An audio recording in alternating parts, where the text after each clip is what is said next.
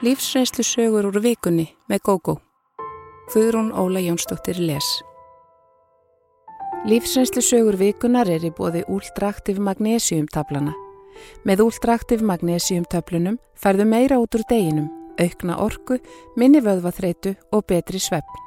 Úldraktiv magnesiumtöflunar fást í öllum helstu apotekum landsins. Hress og harð dögleg. Ég stjórna fyrirtæki sem er starfrækt yfir vetrartíman. Eitt haustið, annað árið mitt sem yfirmaður, reði ég hressa og harð döglega konu sem öllum líkaði vel við. Hún reyndist þó ekki öll þar sem hún var séð og kendi mér dýrmæta leksíu. Þó að ég hafi verið upp með mér og yfir mig ánægð þegar mér var treyst til að stjórna þessu litla fyrirtæki og hátt í 20 starfsmunum þess, fann ég fljótt að þetta var ekki jafn auðvelt starf og ég held í fyrstu. Ég vildi vera vinu starfsmannana frekar en leiðinlegur yfirmaður og að þau hefðu líka sitt að segja um mál fyrirtækisins. Sjálf hafði ég unnið undir hálfgerðri ógnarstjórn þar sem yfirmaðurinn kúaði alla. Ef einhverjum varð á, jafnvel smávægilega, var þann öskureyður og gargaði á viðkomandi fyrir framann hérna. Ég ætlaði ekki að verða þannig. Ég breyti vinnutímanum fljótlega eftir að ég byrjaði þannig að þeir sem vildu mæta fyrr gáttu á móti hætt fyrr á daginn og þeir sem setna mættu hættu síðar. Ég var liðleg við fólk sem þurfti að skrepa frá og stundum hvatti ég það til að mæta ekkert aftur þann daginn. Það inni bara saðar næsta dag. Þetta voru mistök. Sumir, aðalega þeir yngri, fóru að misnota sér frelsið, síndu mér kurtisi og voru indælir en gerðu bara það sem þeim síndist. Mættu kannski senkt án þess að hafa fyrir því að vinna það af sér og fengu að skreppa en komu svo ekkert aftur án þess að ræða það við mig. Ég vissi ekki hvernig ég ætti að bregðast við. Ekki vildi ég vera leiðinleg og fannst góður og mórall á vinnustafnum of mikilvægur fyrir nöldur. Í þeirra spórum hefði ég elskað svona vinnustaf og alveg öruglega ekki misnotað mér tröstið. Þarna var ég í kringum færtugt og fólki sem var nær mér í aldri og eldra virtist kunna að meta stjórnunastíl minn. Það syndi verkefnum sínum af alúð og síndi mér fulla virðingu á allanhátt. Mögulega var þessi framkoma þeirri yngri óavitandi, ég veit það ekki, en ég kunni ekki listina að fara millivegin. Ég fór stundum út á lífið með samstarfsfólkinu og bauði af og til í mat heim til mín. Fyrsti veturinn minn í þessu starfi gekk áfalla löst, þótt ég væri oft þreytt en ég lærði ekki mína leksíu fyrir en annan veturinn, þegar Guðbjörg kom til starfa. Hún var afskaplega hress og skemmtileg. Virkaði líka rösk og dögleg sem var góður kostur því það komu álagstímar þar sem allir þurftu að leggja mikið af mörgum. Guðburg var svo dögleg að ég ákvaða að setja hann yfir ákveði verkefni og hún leisti það ágætlega af hendi. Hún fekk likla völd og hæri laun og þegar losnaði starfið að þrýfa fyrirtæki þrísvar í viku sóttist hún eftir því og fekk. Hún þurfti á peningum að halda eins og allt ungt fólk sem er að koma sér þakki yfir höfuðið en þau hjónin höfðu það samt ágætt með að við marga aðra í sömu sporum. Þótt mikið væri að gera ríkti líf og fjör hjá okkur, sérstaklega í matar og kaffetímum og mikið var hleyið þegar Guðburg sagði sögur af fólki og viðburðum og lífi sínu og annara. Af og til greindi ég þó svo litið illgjarnan tón í sögumennar. Einnig áttaði mig á þeim í tímanum að hún gat verið ansi frek og svarað harkalega fyrir sig, eins og hún óttaðist að yfir hann eða gengið ef hún gerði það ekki. Sögur hennar fjölluði líka oftar en ekki um það að hún leti sko engan vaða yfir sig. Henni var tíðrætt um heimili sitt og hversu stórkostlega fallegt það væri. Þegar hún kefti sér nýjan tungusófa í stofuna sagði hún að nú væri ástæða til að fagna og bauð okkur öllum í heimsókn eittlegu þetta skvöldið í Pálinubóð þar sem allir komu með eitthvað matarkynns til að setja á borðið. Ég held að við höfum öll verið spennt að sjá höllina ennar Guðbjörgar sem var frekar stór fjögur að herberga íbúð í snirtilegri blokk í Gravarvogi. Mér hálf bráð þegar ég gekkin í íbúðina sem myndi á engan hátt á höllina sem Guðburgu var tíðrætt um. Ef eitthvað, þá var íbúðin frekar ósnirtileg og húsgögnin lúin. Gott að hún var svona ána með sitt en ég var samt svolítið hissa. Við rósunum sófanum í hástert og áttum fínustu kvöldstund með henni, manninu mennar og litli sonunum tveimur. Skömmu eftir áramót tók ég eftir því að það hafði gengið óvenju satt á byrðirnar í eldusinu og lítið var eftir af tegi, kaffi, sigri, keksi og fleira en ég hafði keift heilmikið inn á milli jóla og nýjás.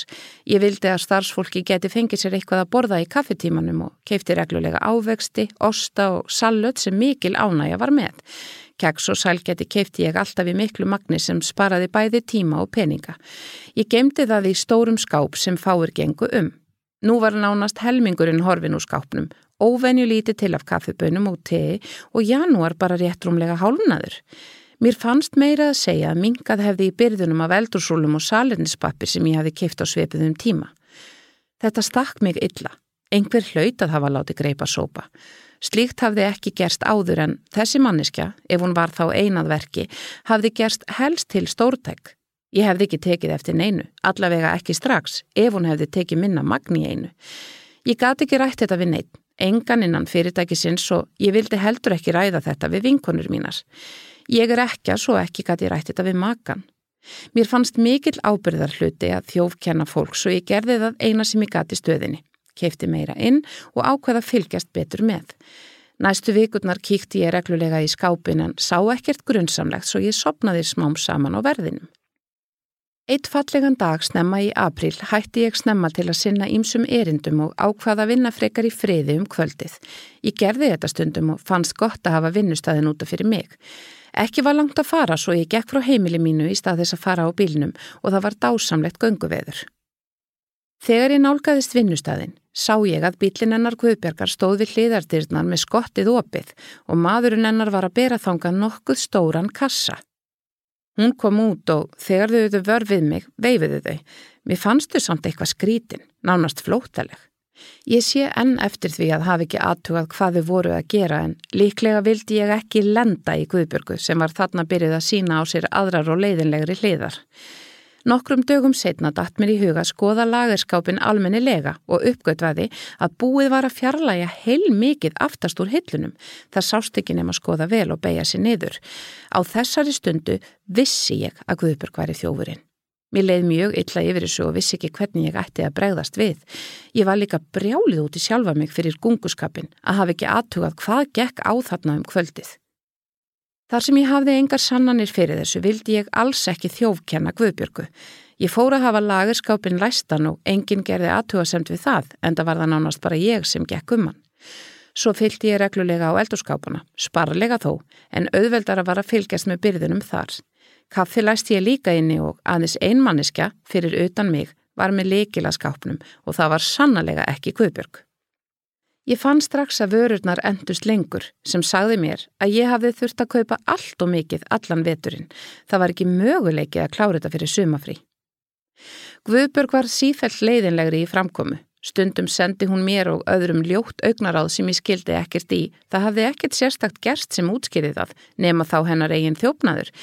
Ég hafði ákveðið að gera ekkert í hennar málum, bara þrauka fram að fríinu og svo yrði ég laus við hana. Hún var aðeins ráðinn þennan vetur svo ég þurfti ekki að segja henni upp, bara sleppa því að endur á hana. Nokkri starfsmenn tóku mig á eintal og sögðu mér að Guðbjörg hefði allt á hornum sér varðandi fyrirtækið og talaði mjög illa um mig og fleiri innan fyrirtækisins. Mér þótti að var leitt að heyra það en ákvað samt að það væri ekki þess virði að eigða orku í að reyna að ræða málinn. Henni hefði verið trúandi til að ganga út sem hefði komið sér illa þegar svona stutt var eftir af starfseminni.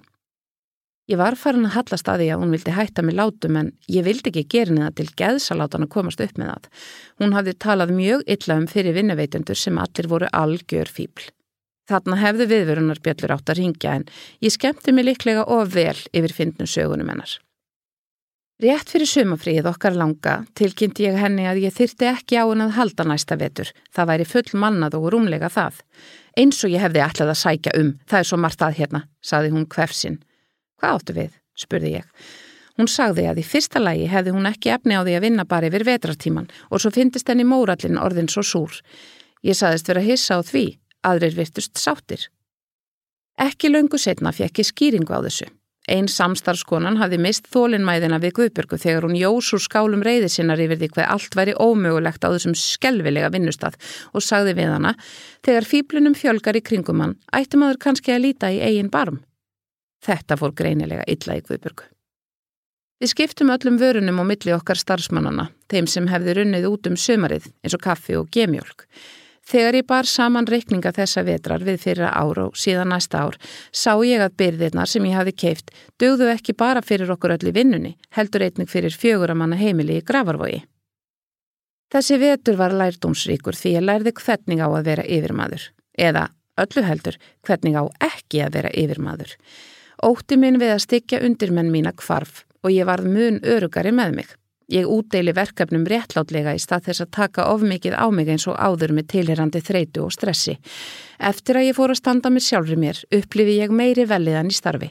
Ég get verið hindal og sveialeg við fólkið án þess að miskili það því það veit að ég stjórna þessum vinnustað. Greinilega þurfti ég þessa leksju frá Guðburgu til að ég áttaði mig og þess vegna er ég og verð henni æfinlega þakklátt. Hættuleg gestristni Ég bjó í Danmörku í nokkur ár þar sem ég var í námi. Eitt daginn kynntist ég ljúfri konu og okkur varð vel til vina. Lífennar hafði ekki verið auðveld en hún var samt alltaf glöð og einni gestristnarsta manniska sem ég hef nokkur tíma kynst. Dóttir mín varð sérlega góð vinkona lítillar stúlku sem hún kynntist í leikskólanum sínum. Það var til þess að ég kynntist móðurinni, önnu, sem ég kunni afskaplega vel við frá fyrstu tíð. Hún var alltaf svo glöð sem var smitandi og mér leið einstaklega vel í návist hennar. Ég fekk strax á tilfinninguna að við erum góðar vinkonur og það gekk eftir. Fljótlega eftir að við fórum að spjalla saman á leikskólanum bauðun okkur mæðgum í heimsókn. Hún legði gamlan aflagðan bóndabæ sem var eflust einu sinn upp í sveit en sannlega ekki lengur eftir að stækkandi bærin gleiftan. Hún hafði búið sér og dóttur sinni mjög notalegt heimileðar. Það var allt svolítið hippalegt hjá henni. Pullur, vegteppi, kertaljós og reykelsi. Hún klætti sig í stíl við það en hippatímabilið var löngu liðið á þessum tíma. Hún hafði verið gift leigubilstjóra og átt dótturuna með honum. Þegar hann helt fram hjá henni með bestu vinkonennar skild hún við hann. Þau heldu samt áfram að vera góðir vinir og hann kom oft í kaffi til hennar. Þannig var Anna. Henni fannst lífið ofstutt til að fjandskapast út í menn og málefni.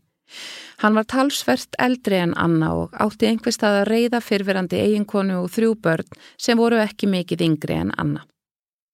Eftir því sem ég kynntist önnu betur, þeimun meira fekk ég að vitum hana. Hún var ung tekin af móður sinni sem starfaði sem gleðikona og var að auki á kafi í eiturlifjum. Föður sinn þekkti hún aldrei, en það hjælt hún að mamminar hefði ekki vita hver hann var. Anna fór í fóstur til fjölskyldu þar sem hún var misnótuð árum saman af fósturföður sínum. Það uppgötvaðist þó um síður og henni var komið fyrir hjá góðu fólki þar til hún varð átjónara. Fáum árum síðar kynntist hún leigubilstjóranum sem hún stopnaði fjölskyldu með. Úlingarnir í nákrenninu heimsóttu önnu mikið og þegar ég kynntist henni bjó eitt strákur tímabundi hjá henni. Hann var ósáttur við foreldra sína og neytaði að fara heim, skildist mér. Heimileganar var öllum opið og þótt hún væri sannlega ekki efnuð, var einhvern veginn alltaf til matur ofan í svanga munna. Fóreldrar þessara krakka voru ekki sérlega hrifnir af þessu, vildu að börn sín heldu sig heima, en hún var eins og laufið í grjótaþorpinu, kunni að hlusta og hugga án þess að dæma. Hún lefði þeim að sofa úr sér ölvímu og stappaði í þau stálinu. Ekkert skríti þóttu að við sóti hana. Eftir að við maður fluttum heim til Íslands heldum við annað sambandi. Þetta var fyrir tilkomi netsins, svo við urðum að skrifast á upp á gamla mátan. Ég var ekki svo duglegast að við skrifin en þegar ég drattaðist til þess fekk ég alltaf svar fljótlega tilbaka. Báðar langaði okkur til að hittast aftur og eitt sömarið, líklega þremur eða fjórum árum eftir heimkomu, ákvað ég að verja tveimur vikum hjá henni í Danmörku. Dóttir mín kom með en hún hafði saknað vinkonu sinnar, dóttir önnu, og hlakkaði til að hitta hann aftur. Dóttur mín hafði harðneitað að tala dönsku eftir að við komum heim til Íslands en eftir fyrstu dagana ytra með vinkonu sinni talaði hún dönskuna rey brennandi eins og hún hefði aldrei farið til Íslands. Eitt kvöldi þegar dætur okkar önnu höfðu fengið að gista hjá þriðju vinkonunni sem var dóttir góðs vinafólks önnu ákvaðum við vinkonunnar að fara út á lífið. Við fórum á skemmtilegan pöpp ekki langt frá heimili önnu og skemmtum okkur konunglega. Þeir menn höfðu sest hjá okkur um mitt kvöldið og okkur fann skaman að spjalla við á. Þeir vildu greinilega eitthvað meira en spjallin, við vorum ekki jafnspendar. Enguða síður bauð annaðum heim, sagði að þeim væri velkomið að fá hressingu og jafnvel gistingu, en meira væri ekki í bóði. Þegar ég bauð góðanótt var Anna að búa sig undir að fara að sofa í stóra rúminu sínu og báðir mennirnir ætluðu greinilega að fá að halla sér hjá henni, hvor sínu megin við hana. Þau lógu og fannst þetta greinilega fyndið og krútlegt. Það fannst mér líka en ég hefði samt aldrei nefnt þessu. Um morgunin, frekar seint, þegar ég drattaðist á fætur, var Anna nýkomin fram á samt öðru manninum, hinn var farin. Hún var dauð í dálkin og þarna við borðið sagði hún okkur að hún hefði vaknað um nóttina við að maðurinn væri að hafa við sig samfarir. Í stað þess að öskra eða reyna að ídónum í burtu lamaðist hún, lokaði augunum og fór eitthvað annað í huganum, nákvæmlega eins og hún hafði gert í æsku þegar fósturfaðir hennar misnótaði hana. Hún var afar ósátt við viðbröð sín, hjælt að hún væri komin lengra eftir ótalmarka sálfræðitíma sem hún hafði verið sendi eftir að þetta komst upp. Við urðum miður okkar, ég og maðurinn sem varð ekki var við neitt og reyndum að hugreista önnu. Þeir tveir reyndust ekki hafa þekst áður eins og við heldum, heldur hist í fyrsta sinn á pöpnum þetta kvöld. Maðurinn var ösku reyður út í þennan ekki vinsinn og sagðist vona að Anna kærðan. Ég veit ekki hvernig hún brást við og vona innilega að hún hafi kært en hún hafði þó eitthvað sagt um að hann hefði verið ansifullur og eflust valla vita hvað hann væri að gera. Ég stóri efast um að hún hafi nokkuð gert. Dægin eftir flugum við maður heim. Ég spurði hann aldrei út í þetta gegnum brefaskriftir okkar en ætlaði að gera það þegar við hittumst næst. Ekki kvartlaði að mér að við anna myndum ekki sjást framar. Við Anna heldum sambandi næstu árin en allt of stópulu sem var algjörlega mín sög. Dætur okkar voru aftur á móti dögleri við það og um leið og neti kom til söguna styrtu þær böndin og hafa einnig heimsótt hver aðra. Anna tók aftur saman við fyrirverandi mannsinn og barsföður og þau fóruð að búa saman. Þau bættu við barni, fallegum sinni sem Anna sendi mér myndir af í einu brefinu og byggu í fallegri og notalegri íbúð. Maðurinn varð bráðkvattur á heimili þeirra, langt fyrir aldur fram. Þar sem þau hafðu ekki gifst formlega þegar þau tóku saman í setnaskiptið voru börnin þrjúa fyrir að hjónabandi og börn hans og önnu einu erfingjarnir. Húsi sem hún hafði búið í með honum og dótturinni var selt en eldri börnans þrjú sem alltaf höfðu haft horn í síðu önnu lefðu henni þó náðarsamlegast að halda bílnum. Arfslutur barna önnu var lagður inn á lokaða bankabók sem ekki mótti snerta fyrir en þau erðu átjónára. Anna lendi nánast á götunni og ég vissi að hún barðist í bökkum. Ég leit alltaf á okkur önnu sem góðar vinkonur trátt fyrir að margir mánuðir, stundum meira en ár, liðu á milli þess sem við skrifum stá. Fyrir nokkrum árum barst mér bref með dönskum poststimpli og glattist því ég held að þetta væri bref frá önnu. Svo kíkti ég á sendandan á bakliðinu og fekk stingi í hjartað. Dóttir hennar var sendandin og í brefinu tilkynnti hún mér lát móður sinnar. Hún kaus að gera það á þennan háttist að þess að senda dóttur minni tölvupost og láta hana færa mér fréttinnar. Hún er enni í sambandi við dóttur mínas og ég hef geta fylstaðins með henni. Mér hefur skilist að bæði hún og bróður hennar lifi ágætu lífi sem kannski fæstir byggust við vegna frjálslegs uppeldist þeirra og oft og tíðum erfiðra aðstæðna og fátaktar. Dótturinn verðist vera sama ljúfa manneskjan og mamminar að sög dóttur minnar. Samband þeirra er þó slitrótt og fer nú orðið mest fram í gegnum Facebook. Ef hún heimsækir dóttur mína aftur hinga til Íslands, ætla ég að bregða undir mig betri fætunum og fljúa til höfuborgarinnar, gera mig sérferð til að hitta hana. Í þau örfáu skipti sem hún hefur komið til Íslands hef ég verið erlendis eða ekki geta tekið mér frí frá vinnu. Ég gekkað önnu sem vísri. Ég var alltaf á leiðinni til hennar og ætlaði alltaf að vera döglir eða skrifinni. Vissulega hefði verið auðveldar að hafa samband við hana ef hún hefði átt tölvu en hún vildi frekar hitta fólki í eigin personu en vera í rafrænu sambandi við það. Mér skilst að þrátt fyrir atvikið forðum og mögulega fleiri atvik eins og að það var stundum stóli frá henni hafi heimili hennar verið öllum opið alla tíð. Hún treysti öðrum fram í rauðan döiðan. Það verður mikið úr dótturðinni. Nokkrum árum áður en ég stopnaði fjölskyldu fór ég til spákonu sem sagði mér sitt af hverju merkilegt. Mart af því sem hún sagði kom fram en ég var búin að stein gleima því öllu þar til nýlega þegar ég fann óvænti miða sem ég hafði hripa niður spádómin á. Við vinkonurnar ákvaðum eitt daginn þegar við sáum auglýsinguð í bladi að panta tíma hjá spákonu. Sú var tiltölulega nýbyrjuð í bransanum en hún þótti vist nokkuð lungin við að sjá fram í tíman. Á þessum aldrei fannst mér allt svona lagað svo spennandi og hlakkaði mikið til að heyra spána. Hún spáði fyrst fyrir vinkonu mínum tveimur og síðast mér, það mann ég þótt spádómurinn sjálfur hafi gleimst með tímanum. Þegar svo sem var önnur í rauðinni fór inn og svo fyrsta kom fram var hún rjóði framann af spenningi. Spákonan hafði sagt henni svo skemmtilega hlutu um lífið framundan. Satt að segja veit ég ekki hvort nokkuð hafi komið fram hjá henni. Lífið leik nefnilega alls ekki við þessa gömlu vinkonu mína. Hún drakk mikið, upplifði veikindi og ástfinnamissi, ofbeldi og fátakt, hefur mér skilist. Leiður okkar skildi í kringum tvítugt en ég hef stundum fengið fréttir af henni. Loks kom rauðin að mér og ég settist spennt í stól fyrir framhansbákununa. Hún sagði að ég myndi giftast tviðsvar og eignast þrjú börn, tvö með fyrirmanninum og eitt með þeim síðari. Hún vildi meina að yngsta barni mitt yrði stúlka sem ég þyrti að hafa heil mikið fyrir en hún yrði þó gæfumanniska. Það verður mikið úr dótturðinni. Sennilega verður hún fræg, svaði spákunan. Ég skrifaði eitthvað af spátómunum niður og sett inn í bók þar sem hann glimtist næstu tvo áratvíina. Fyrir maður minn var mjög indæll en helst til og vrólegur fyrir mig. Hann ætlaði alltaf að gera hlutina en framkvæmdi aldrei neitt. Hann langaði aldrei að koma neitt með mér, vildi frekar hanga heima öll kvöld og allar helgar, helst sofandi í sófanum í stofunni og það var valla hægt að draga hann í bíltúr í sumarfríinu, hvað þá ferðalag.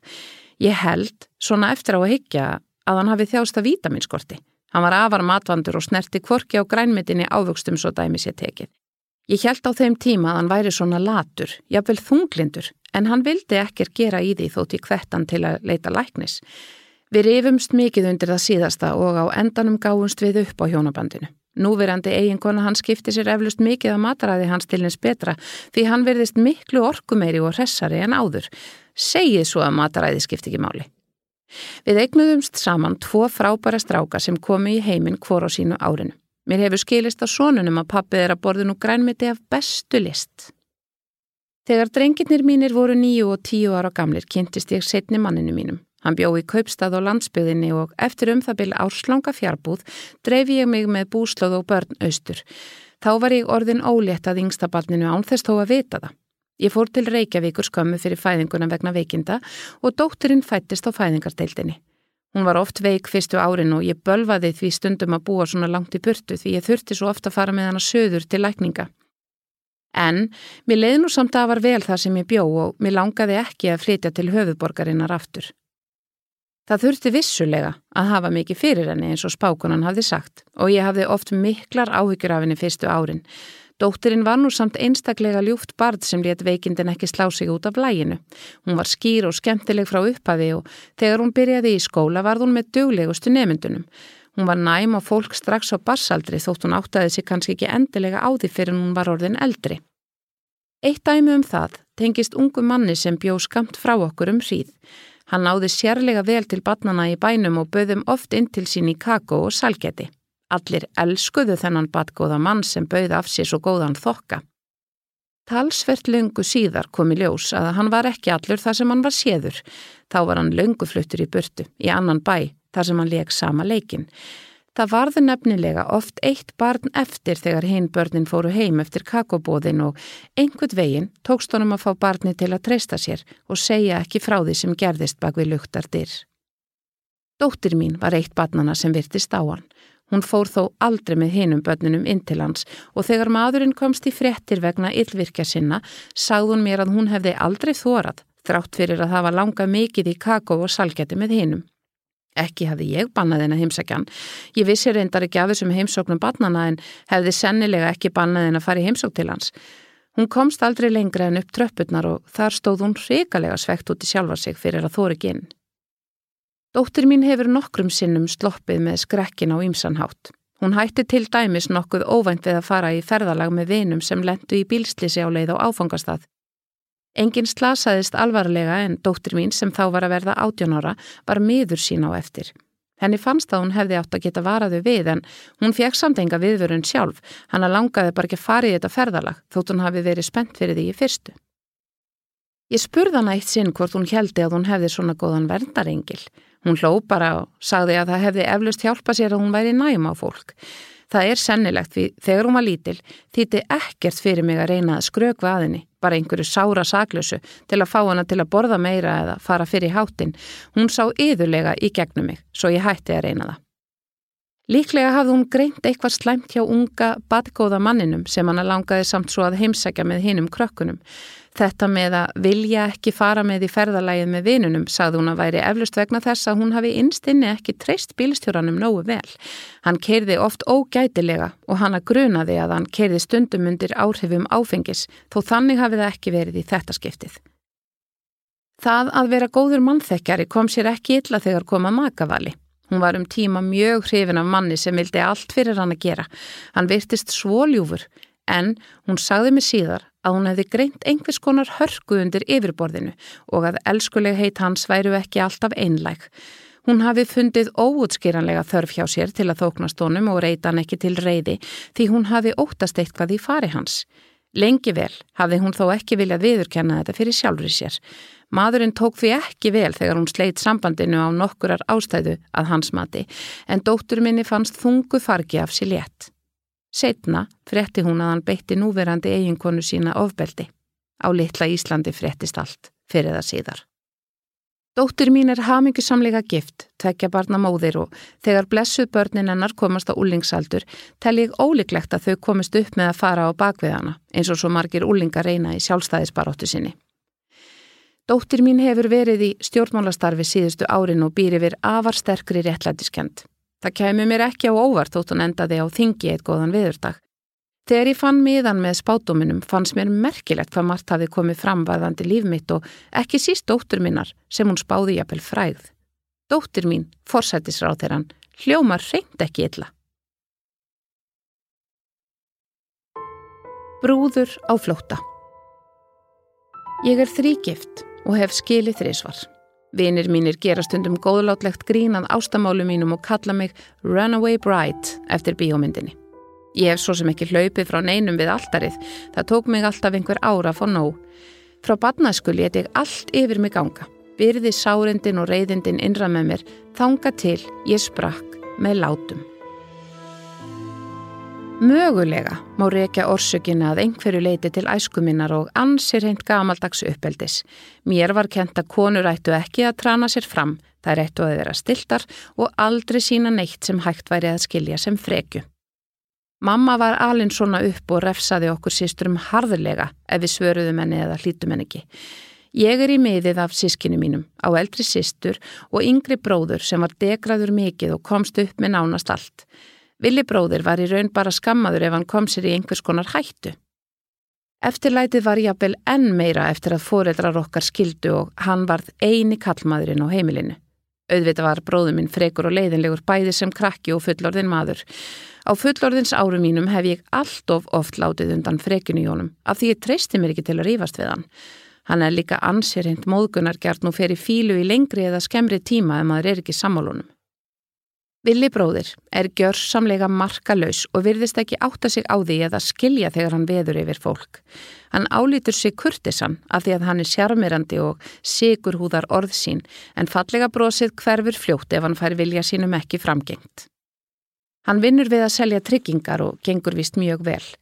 Sistir mín er afskaplega ljúf en hún er eins og ég og lætur bæði mömmu og bróður okkar vaða yfir sig án þessa mótmæla. Vili kann að guttla á hljóðfari og hann heimtaði að fá að spila og syngja eitt eða tvö lög í fyrstu brúköpsveislunum minni þegar ég giftist Arnari. Við langaði ekki sérstaklega til þess hann, vildi ekki móðgan með því að segja nei, eitt eða tvö lög getur valla sakað. Vinir mannsins mín sáu annars um tónlistina, bæði í aðtöfninni sjálfri og veislunni enda tónlistarmenni eins og hann. Þegar nokkur hefðbundin atriði höfðu verið flutt á borð við ræður, steg Vili bróðir á svið. Hann spilaði daburleg lög og söng með af tilfinningu. Stemningin hreinlega dó og mér var farið að líða eins og á leiðinlegum tónleikum sem engan enda ætlaði að taka. Hann væri kannski ennaði, vinum ansinsmís hefði ekki hreinlega gripið inni og sagt hátt og snjált að nú væri komið að stöðinu. Hann ítti vilja þannig af sviðinu og gleðin fór aftur að ríkja. Bróðin minn var sármóðgæður, fór snemma heim úr veistlinu og talaði ekki við mig í marga mánuði. Ég var rúmlega tvítug þegar ég giftist Arnari sem var 7 árum eldri en ég og ég átti ekki vona á öðru en að við erðum saman til æfi loka, slík var ástinn. Hann reyndist vera svo liti líkur bróður mínum, vildi stjórna öllu í kringum sig og fór í fílu ef ég samþykti ekki allt sem hann vildi gera. Ég var auðvitað vönd því að sætta mig við slíka framkomi og let yðurlega undan. Arnar er fættur og uppalinn í Kaupstað á Östurlandi þar sem við vörðum öllum jólum og áramótum þau ár sem við vorum gift. Eftir að dóttur okkar fættist, stakk ég upp á því að við skiptumst á, værum heima önnur jólin og hinn fyrir austan hjá fóruldrum hans. Hann mátt ekki heyra þá minnst. Það væri engin almennileg jól nema að fá reyndirasteg alla pappi og sítrónufrómasinn sem mamman skerði. Hann vissi svo sem að mér langaði ekki að verja jólu með mömmu og stjúpföður mínum. Á aðfangadagskvöld voru þau oftast hjá einu af börnum hans sem mömmu líkaði svo miklu betur við en okkur sísturnar. Hún sagði það ekki beint út en gaf það stert í skinn, bara okkur saman við dætur hans og samanburðurinn var ekki okkur í hag. Arnar átti auðvita sínar góður hliðar en yfirgangurinn í honum varðalokum til þess að ég gafst upp með kvelli. Ég sprakk hreinlega út af einhverju smáatriði, gargað á hann og sagði allt það sem ég hafði langað að segja öll árin en ekki þórað. Arnari brá mikið en það var ánum að heyra að hann vildi reyna að laga sambandi og breyta framkomi sinni en það var orðið allt of seint fyrir mig. Öll ást var horfin og ég vildi bara losna. Dóttir okkar hefur að mestu búið hjá honum. Hún þóldi ekki viku og viku fyrirkomulagið sem gerða hana rótlusa þannig að hún flutti alveg til pappasins fyrir rest eins og hún kaus sjálf en kom mikið til mín sem var auðvelt við við Arnar byggum í sama hverfinu. Ég hafði þá þegar kynst öðrum eiginmanni mínum, Bjössa þegar dóttirinn tók ákverðunina um að búa hjá pappa sínum en hún þóldi aldrei bjössa. Arnar giftist aftur, alveg frábæri konu sem bæði mér og dóttur minni þykir mjög væntum. Hann breytist mikið eftir að hún kom til sögunar og sínir konu sinni mun meiri virðingu en mér og meðan við vorum gift, enda er hún miklu ákveðnari en ég. Bjössi var algjör andstæða Arnars, miklu hressari og kátari sem mér fannst alveg dásamlegt. Hann var vel lesin og vissi allan skramban. Það fór þó smám saman í töðan á mér hvað hann þurfti alltaf að vera að segja mig hluti og kenna mér og vissi auðvitað allt betur en ég. Ég leit vissulega upp til hans og fannst hann mjög klár en þurfti mjög ofta að segja við hann að ég vissi þetta líka full vel. Hann virtist hálf móðgæður yfir því en svo sem ekki lengi. Hann var aldrei langrækin. Björsa þótti ansi gott að fá sér í glas og þegar við eignuðumst saman dóttur fór hann á þryggjadaga fyllir í til að halda upp á það. Eldri dóttur minni fannst hann bæði leiðinlegur og hávær og hann áði einhvern veginn engu sambandi við hana sem honum þótti miður. Það sapnaðist vissulega uppi mér pyrringur en ég sprakka ekki vegna hans, heldur framhjáhaldsbjössa. Hann fór að vera með gamalli kunningakonu minni. Ég hefði eflaust seint komist að því ef þetta hefði verið ókunnu kona, slík var lindin, en sameiginleg vinkona okkar let mér vita af þessu. Ef þetta hefði gerst einu sinni hefði ég eflaust fyrirgefið honum en þetta var orðið að sambandi sem hafði staðið í hálft ár. Hinn glaði Bjössi hafði lítinn tíma fyrir dótturina og tók hana til sín þegar hann mátti vera að, sem var ansið sjaldan. Eldri dóttur mín sem þá var að verða 12 ára fór að koma meira til mín eftir skilnaðin og saðist vera döðfegin að vera laus við hennan Monturas eins og hún kallaðan. Þetta var nú samt sárari og erfiðari skilnaður en sá fyrir því það voru enn tilfinningar í gangi. Daniel kynntist ég tveimur árum setna og það var ást við fyrstu sín hjá okkur báðum. Hann var eitthvað svo traustur og óhaganlegur, eins ólíkur bjössa og hægt var. Hann var ballaus en mjög badgóður og var afskaplega hrifin af dætrum mínum sem endurguldu hrifningu hans og kölluðu hans stundum pappa tvö. Hann var allt það sem ég dreymdi um, hjælt ég, en með árunum fórum mér að finnast hann leiðinlegur. Það sem heitlaði mig við hann í fyrstu breytist í galla í mínum huga. Hann vildi aldrei gera neitt óvænt. Allt þurfti að skipulegja með laungum fyrirvara, annars leið honum illa. Hann ákvað meira að segja fyrirfram hvar hann ætlaði að leggja bílnum áður en við lögðum af staðfanga sem við þurftum að fara. Vildi vita nákvæmlega í hvaða búðir við ætluðum svo hann geti vali stæði sem var jafnvel hræðilega langt í burtu og fullt af lausum stæðum beint fyrir utan. Hann skipulaði utanlandsferðir okkar svo ofboslega vel að það gerði þær leiðinlegri. Það var kannski einstaklega gaman á einum stað en hann dró okkur þaðan til að heimsækja næsta stað fyrir það var í skipulaginu. Það var engin leið að breyta einu eðan einu. Kannski var hann á einhverju rófi, ég veit það ekki. En eftir nokkur ár fórum mér að líða eins og ég væri í eins konar fangelsi. Skilnaður okkar var átakalauðs með að við fyrir skilnaði mína en samt eflaust eins og sprengingi hans huga þar sem skilnaður var ekki í skipulæginu hjá honum. Ég fer aldrei ofan á því að hann er afskaplega góður maður. Ég kom honum ofti í uppnámið hugmyndi mínum en sætti mig alltaf við þegar hann slóðar út af borðinu eins og að kaupa aðra bíltegund eða fara til Grænlands í frí. Hann vildi helst alltaf fara til Svíþjóðar sem hann elskaði eftir að hafa menta sig þar. Danni var bæði betur mentaður en Bjössi og klárari á allan hátt en hann reykti sér aldrei af því og talaði aldrei niður til mín þótt ég væri bara með stútispróf og smá dútli háskóla sem fór fyrir lítið þegar ég giftist fyrsta manninu mínum. Dætur mínar halda báðar smái í sambandi við hann og hann sendir þeim báðum jólagjafir þessi elska. Mikið vona ég að hann finnir réttu konuna fyrir hann síðar og eignist sín eigin börn. Í dag á ég góðan vin sem ég hitti reglulega og er mjög hrifin af honum. Honum finnst bráð fyndið að ég sé þrýgift og þar sem hann starfar við að greina fólk slapp ég ekki.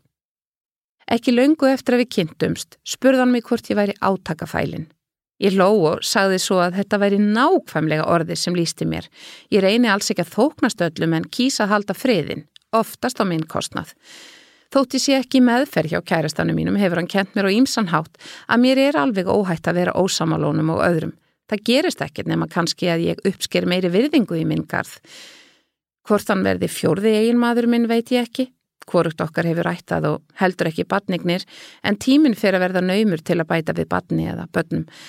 Það skiptir samt engum máli. Ég hef aldrei verið í afslöppuðu sambandi og finn engar kröfur frá honum. Ég er mjög sátt við það og vil helst engu breyta og, og held að hann hugsi á svipuðum nótum. Það þarf ekki alltaf að giftast og eignast börn þótt fólk sé ástfangið. Það er oft sagt að konu séu giftingasjúkar og kallar á hlaupum til að forða snapphelduna en í mínum tilfellum voru það mennitni sem sóttu fast að giftast og ég samþykti það eins og annað. Ekki vildi ég neitt rifirildi og læti. Fyrstu góðu jólin Ég var orðin úlingur þegar ég var loks tekin út af heimili mínu og komið fyrir hjá ókunnugum. Þar kynntist ég eðlilegu lífi og átti minn fyrstu alvöru jól. Fóreldrar mínir kynntust í áfengismeðferð á sínum tíma, voru sundur og saman þar til mamma varð ólitt af mér og ákvaðu þá að fara að búa saman. Þremur árum eftir að ég fættist kom sýstir mín í heiminn. Mér skilst að fyrstu fimm ár æfiminnar hafi verið góð en svo fjallu fóreldrar mínir með látum og pappi flutti út. Það var mikið partistand hjá mömmu og gríðarlegur háfaði þar sem gestir reyndu að yfirgnæfa háværa tónlistina. Ég kom mér sjálf í rúmið og setti sangina yfir eirun til að ná að festa svefn. En í dag er ég viðkvæm fyrir háfaða. Get helst ekki nota blandara hrærivel eða slík tæki og tónlist í eirunum hef ég alltaf látt stilta. Mamma fór ekki í launkofa með að hún helt miklu meira upp á sýstu mína en mig. Þetta eiðilaði sambandi á millokkar sístrana en sístir mín var sátt og vildi enga samkeppni um ömmu. Ég fór að upplifa mig soldi sem tíndabarni sem skipti engu máli og fór að halda mig til lés. Þegar barnavendanemnd hafði fyrst afskipti af heimilinu var ég átta eða nýja ára. Við vorum greinilega vanræktar og mættum til dæmi sjálfnast með nesti í skólan. Ég man eftir því að kennarin tók mér nokkrum sinnu með sér á kennarastofuna til að gefa mér að borða. Ég var vannærð og allt of hóruð. Það var aldrei elda frá grunni, aðeins pakkamatur og örbylgjur ettir í bóði. Frá unga aldrei var ég send reglulega út í sjóppu til að kaupa skamta frönskum kartöblum sem við möluðum sem kvöldmandi við sjónvarpinu. Ef ég var úti með vinkonu mínum og kom heim eftir að mamma hafi gefið sér og sýstu minni að borða, var ég að finna mig sjálf eitthvað matarkins. Óreglan var mikil. Eitt daginn fann sýstri mín kvítt efni í plassboka og ætlaði að smakka á því en ég náði að stoppa hana. Mamma var að lokum kærð fyrir vanrakslu og við fluttar til pappa sem þó var ekki í mikið betri málum en hún. Nokkrum vikum setna fórum við þó aftur til hennar. Þegar ég var 11 ára fluttum við alveg til pappa. Ég held að yfirvöld hafi haldið að hann væri edru sem hann var þó ekki alltaf. Fermingadagurinn minn var hræðilegur. Mig langaði til að hafa veisluna í góðum sal og bjóða gestum upp á meksikoska kjúklingasúpu en pappi var á öðru máli. Hann fann eflaust ódyrasta salin á höfuborgarsvæðinu sem reyndist vera pínu lítill og sóðalegur. Þeir fái gestir sem komist fyrir þar fengu aðkiftar kökur og kaffi. Ég var sár svöng allan daginn því ég borði ekki kökur og það vissi pappi full vel. Það sem var þó verst var að mömmu var bóðið í veisluna, þrátt fyrir beðinu mínum og hún kæm ekki. Hún var ekki á góðum stað á þessum tíma. Þegar sýstir mín fermtist var tekin og leigur stór og flottur salur og jú, meksikósk súpa var í matin og mömmu var ekki bóðið. Á þeim tíma var ég komin í fóstur en sýstir mín var þó nýflutt aftur til pappa, að eigin ósk, eftir nokkur ári fóstri. Ég fekk aðalega peninga í fermingargjöf og flýtti mér að eigða þeim en peninga sem ég fekk að gjöf í æsku höfðu alltaf horfið, bæði hjá pappa og mömmu. Það var talað um framtíðareikning en hann var aldrei stopnaður. Ég vona bara að peningarnir mínir hafi verið notaðir til að kaupa mat en ekki vín eða dóp. Pappi var stundum í neyslu án þess að nokkur áttaði sig á því nema við sýsturnar sem þögðum um það og við vorum sendar til ömmu þegar hann fór í meðferði eða dætt í það. Það var nú samt fylst með okkur og eitt sinn eftir að tala var við pappa var ákveðið að koma okkur í fóstur. Hann hafði viðurkent að hann höndlaði ekki að vera með okkur. Sistir mín sagði frá öllu sem síndi að óbreytt ástand gekk ekki en ég vildi vera áfram hjá pappa sem var ekki lengur mögulegt. Ég sættist þó á að fara tímabundið í fóstur.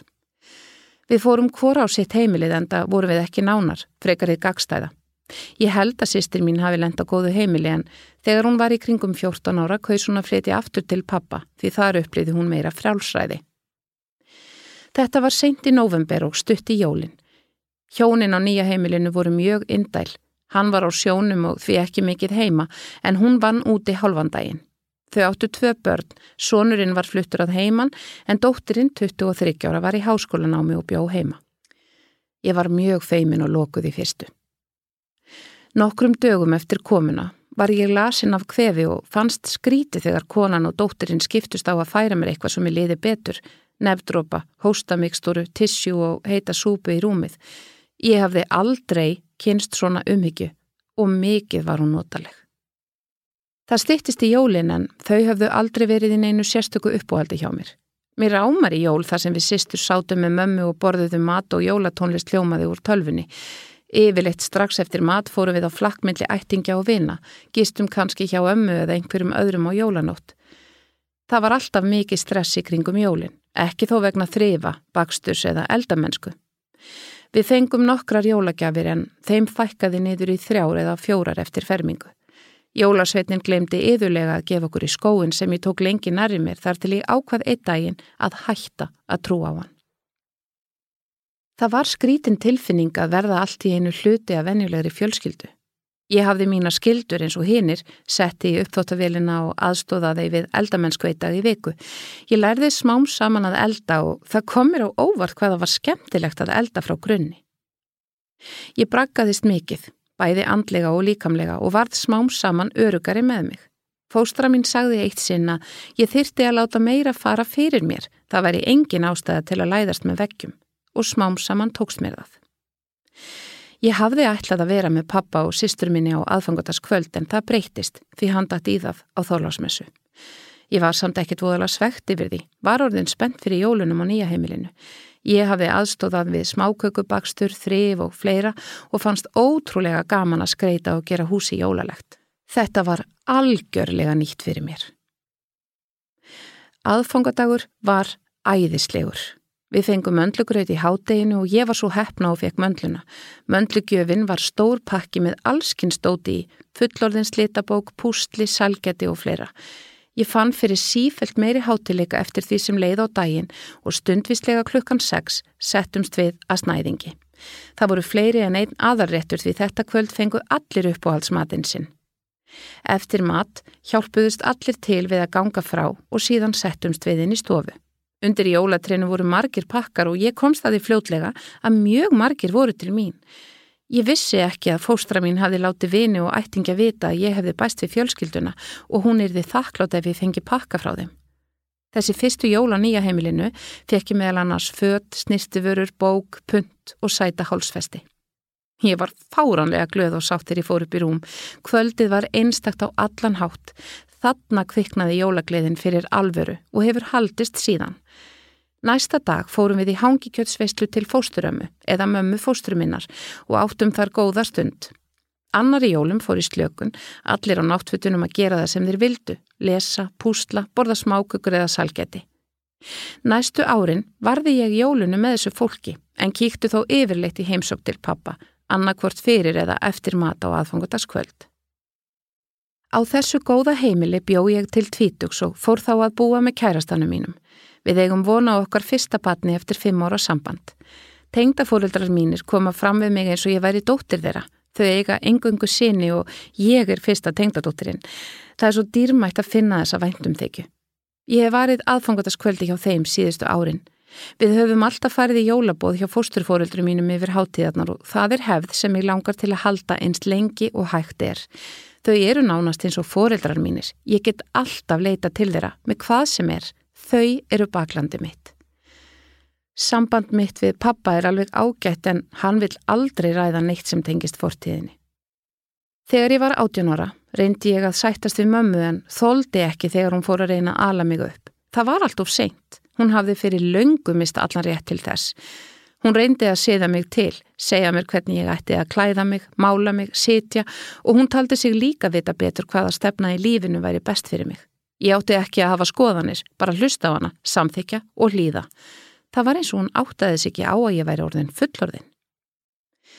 Sistir mín var um tíma í miklu ruggli eftir að hún flutti til pappa. Hún fór í meðferðað áeikjan mömmu sem hefur verið edru í mörg ár. Það er búa saman og vonandi náðar að styðja hver aðra. Ég veit að krakkar af bæði góðum og slæmum heimilum far út í neyslu en ég tel að búsetta mín á góðu heimili hjá góðu og reglusömu fólki þegar ég var á viðkvamum aldri hafi alfarið bjargað mér frá öllu ruggli. Þú varst að hlusta á lífsreynslusögur úr vikunni með GóGó í lestri Guðrúnar Óli Jónsdóttur og framleiðslu Storysight árið 2020. Höfundaréttur Vikam.